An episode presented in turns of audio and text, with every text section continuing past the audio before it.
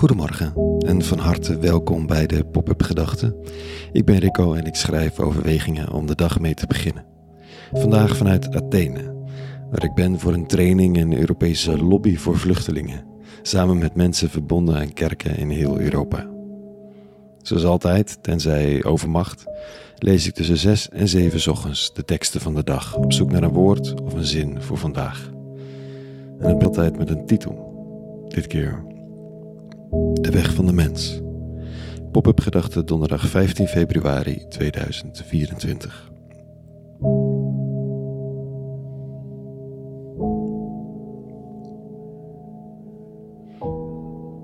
In het rauwe hart van Athene, de wijk Exarchia, bolwerk van krakers, hippies, anarchisten, kunstenaars en nu natuurlijk ook de nieuwe welgestelden, want ook deze wijk verjupt razendsnel. Zitten er zo'n mensen in een zaal van Cine Praxis, de organisatie die vanuit de Grieks-Orthodoxe Kerk zich met liefde en moed inzet voor vluchtelingen in de stad. De aanwezigen hebben voor het komende uur een rol toebedeeld gekregen. De Zuid-Europese landen worden vertegenwoordigd, de Oost-Europese, Zweden, Denemarken en zo nog wat landen clusters. En natuurlijk is er een voorzitter en ligt er in dit oefen-Europese parlement de vraag op tafel wat te doen met de grote instroom van vluchtelingen in Zuid-Europese landen. Het is een grappige en pijnlijke oefening. Morele argumenten over opvang en solidariteit klinken er weinig en als ze klinken, klinken ze leeg en hol. Het gaat over waar de winst zit. Hoe je zo min mogelijk kunt geven, maar wel de open grenzen binnen Europa en je eigen belangen kunt bewaren. En nooit gaat het over de mens. Tenminste niet echt. Het gaat over groepen mensen, het eigen draagvlak en de vreemde groep van buiten die de boel bedreigt. Het staat in schril contrast met de kinderen die ik vier dagen geleden nog tegenkwam in Preševo, in Zuid-Servië. Zij zijn de vluchtelingen waar dit allemaal over gaat.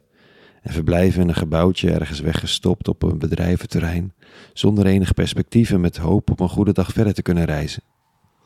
En we weten allemaal dat dat verder reizen alleen met mensensmokkelaars gebeurt, met alle ellende en risico's van dien. Nu staan de kids te lachen en te springen rondom de gitaar die we meebrengen en maken foto's en roepen dat ze naar Nederland of naar Duitsland komen. Een moment van vreugde, maar volkomen losgezongen van politieke tafels, waar de mens afwezig lijkt te zijn. Vandaag in de lezing van de dag staat er dit.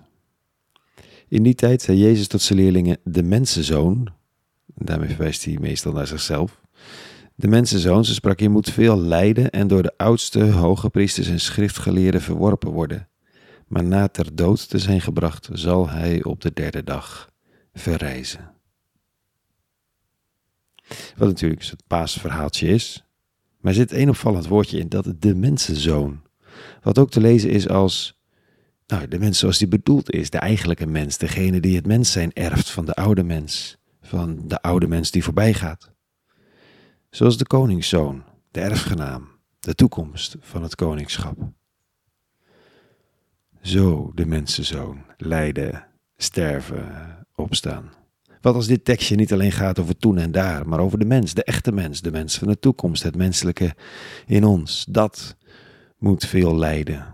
En meestal door het toedoen van leiders, religieus en politiek. En zelfs moet het sterven. Maar dat is niet het einde, want het menselijke, de mens, zal opstaan, ogenschijnlijk, uit het niets. De mensen die stuk lopen op de grenzen in Europa, die weten van recht als asiel en vooral uitzien naar werk en ergens een bijdrage, ze lopen stuk op Europese vergadertafels. Van politieke leiders die zich regelmatig van religieuze taal bedienen om mensen te weren. Want het zou een andere cultuur en een gevaar zijn. Nou, en zo sterven er mensen aan de inmiddels, inmiddels dodelijkste grens ter wereld, die van Europa.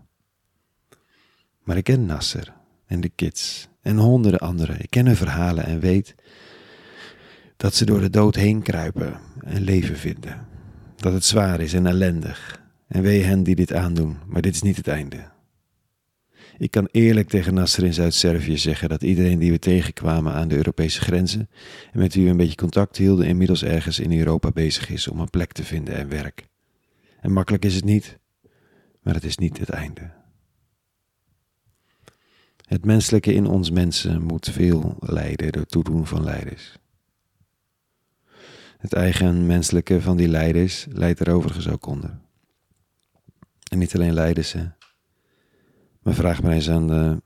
Nee, niet alle leiders zijn beroerd, onmenselijk. Maar vraag maar eens aan de mensen van goede wil hoeveel ruimte er is voor hen.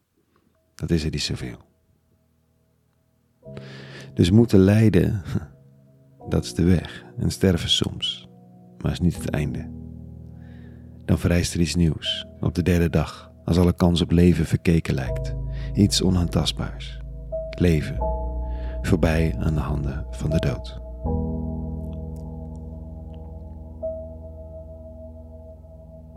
Hm, tot zover. Even deze paasachtige pop-up gedachten.